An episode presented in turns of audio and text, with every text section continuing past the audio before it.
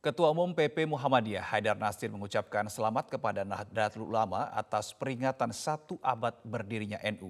Haidar berharap kedikdayaan NU membawa kedamaian dan persatuan bangsa. Ya, menyampaikan selamat untuk satu abad Nahdlatul Ulama. Semoga NU menjadi ormas Islam Indonesia yang bangkit semakin dikdaya sebagaimana spirit yang terkandung dalam tema mendikdayakan Nahdlatul Ulama menjemput abad kedua menuju kebangkitan baru. Semangat mendikdayakan ialah proses menjadikan diri kuat lahir dan batin.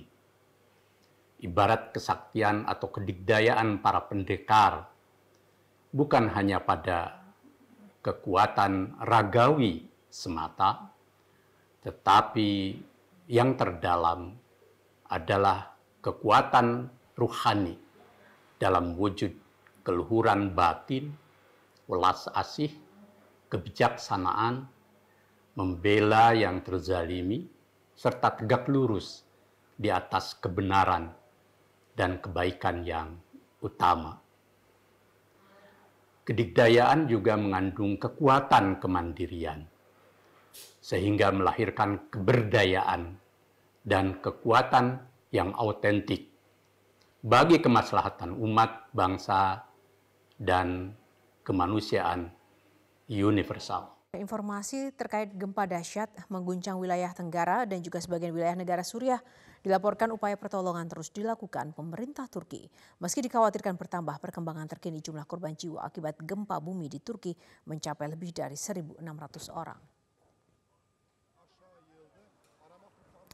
Video ini menunjukkan pemirsa kondisi di kota Maraas, Turki yang terdampak gempa. Puluhan petugas penyelamat berupaya mengevakuasi korban yang terjebak di puing-puing bangunan. Evakuasi berlangsung sepanjang siang dan juga malam hari. Ironisnya, saat upaya pertolongan dilakukan, sebuah bangunan apartemen runtuh hampir menimpa regu penyelamat. Gempa berkekuatan 7,8 mengguncang Tenggara Turki dan juga utara Suriah pada Senin dini hari. Dan gempa susulan 7,5 terjadi pada Senin siang waktu setempat. Ratusan bangunan hancur dan juga membunuh lebih dari 1.600 orang. Banyak korban diyakini masih terjebak di bawah puing reruntuhan bangunan rumah maupun apartemen. Sementara korban jiwa diperkirakan masih akan terus bertambah seiring dengan evakuasi yang dilakukan tim penyelamat di sejumlah wilayah terdampak. Tim penyelamat kini berpacu berlomba dengan waktu dan juga cuaca yang kurang mendukung.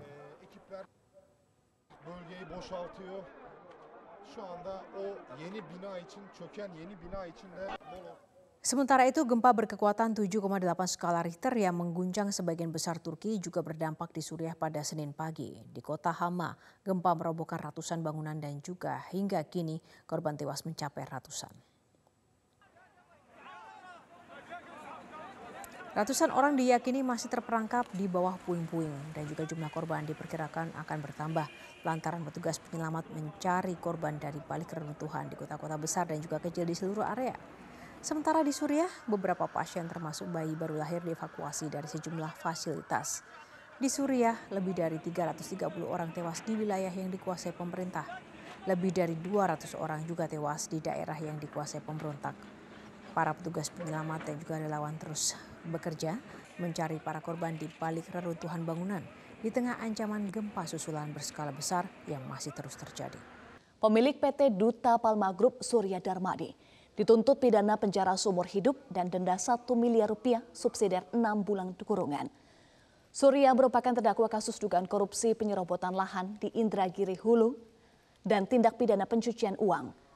Jaksa penuntut umum dari Kejaksaan Agung meminta Majelis Hakim Pengadilan Tindak Pidana Korupsi menyatakan Surya Darmadi bersama mantan Bupati Indragiri Hulu, Indragiri Hulu Raja Tamsir bersalah melakukan korupsi.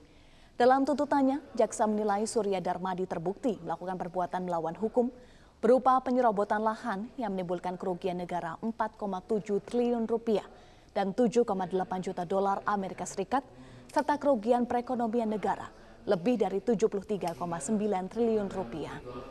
Surya Darmadi juga dinilai terbukti melakukan tindak pidana pencucian uang dengan mengalihkan uang hasil korupsinya menjadi aset maupun mengalir ke sejumlah perusahaan. Jaksa juga mendakwa Surya Darmadi dan Raja Tamsir telah bersama-sama memperkaya diri sendiri sebesar lebih dari 7,59 triliun rupiah dan lebih dari 7,88 juta dolar Amerika Serikat.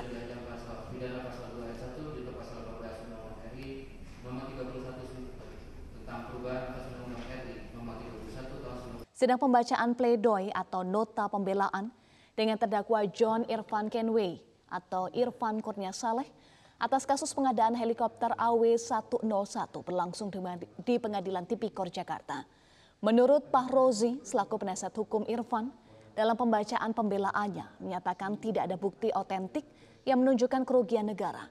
Dikarenakan helikopter AW101 sudah diterima negara, sudah menjadi barang bukti sudah menjadi barang milik negara telah masuk dalam laporan keuangan Kementerian Pertahanan dan TNI 2019. Ia menilai tuntutan 15 tahun penjara bagi terdakwa yang disampaikan jaksa penuntut umum pada sidang Senin 30 Januari 2023 lalu tidak didukung oleh bukti otentik yang sah.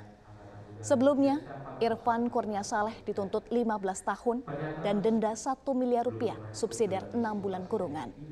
Selain itu, jaksa juga membebankan pidana tambahan kepada Irfan berupa pembayaran uang pengganti sebesar 177 miliar rupiah.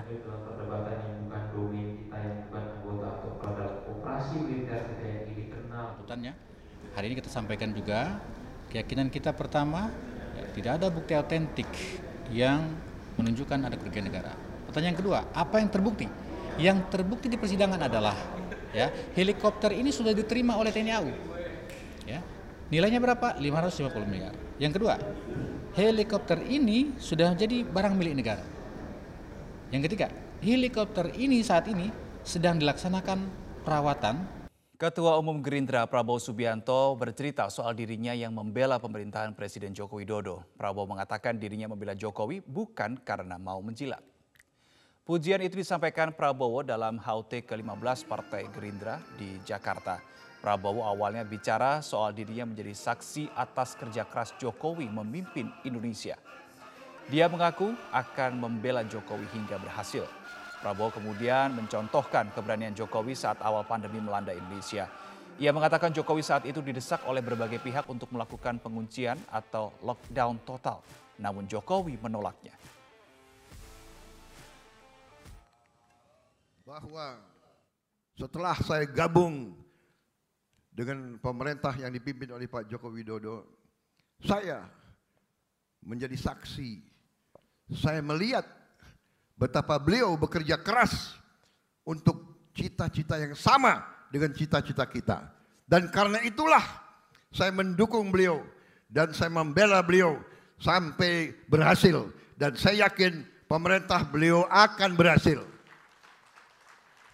Komisi 2 DPR RI menggelar RDP bersama KPU, Bawaslu, DKPP, dan Kementerian Dalam Negeri. RDP kali ini membahas perihal peraturan KPU tentang daerah pemilihan dan alokasi kursi DPR RI, provinsi, dan kabupaten kota. Dalam rapat dengar pendapat kemarin, Ketua Komisi 2 DPR RI Ahmad Doli Kurnia mengingatkan agar KPU RI memperhatikan segala catatan yang diberikan para peserta rapat soal pembahasan bersama perihal aturan KPU tentang dapil hingga alokasi kursi DPR RI. Ketua KPU RI Hashim Asyari mengatakan pihaknya telah menargetkan agar peraturan KPU tersebut dapat segera diundangkan. Melihat peraturan KPU nomor 3 tahun 2022 tentang tahapan penetapan daerah pemilihan yang dijadwalkan paling lambat 9 Februari 2023. Bahkan pertimbangan dalam menyusun peraturan KPU tentang dapil dan alokasi kursi DPR RI, provinsi maupun kabupaten kota adalah Undang-Undang Pemilu dan Perpu nomor 1 tahun 2022 tentang dapil daerah otonom baru. Wakil Ketua Umum Partai Persatuan Pembangunan Arsul Sani mengungkapkan masih ada kelompok masyarakat yang terus berusaha menunda pemilihan umum 2024. Menurut Arsul, usul penundaan pemilu otomatis terkait dengan perpanjangan masa jabatan presiden dan wakil presiden. Kendati demikian, Arsul tidak menerangkan identitas kelompok yang memperjuangkan penundaan pemilu. Jika wacana ini terrealisasi, praktis perpanjangan masa jabatan juga akan berlaku bagi anggota DPR, DPD, dan DPRD. Sementara dalam konteks partai politik, Arsul mengatakan tidak ada komunikasi antar partai mengenai penundaan pemilu. Dengan begitu, partai-partai politik sejauh ini masih bekerja pada asumsi pemilu tetap sesuai jadwal, yaitu pencoblosan di tanggal 14 Februari 2024.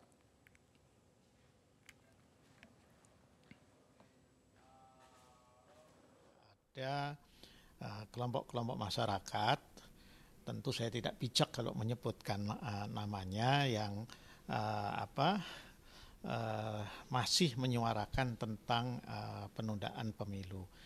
Dan saya kira hal ini kan juga diakui oleh Pak Menko Polhukam, kalau tidak salah beliau menyampaikan juga bahwa uh, tentu dalam konteks negara demokrasi kan memang tidak bisa dilarang, ya. Nah, tentu kemudian ini terpulang pada akhirnya, ya, pada uh, apa kelompok-kelompok masyarakat lainnya yang bisa jadi memang berseberangan posisinya dan juga akan terpulang pada para pengambil keputusan ya di partai-partai politik ya.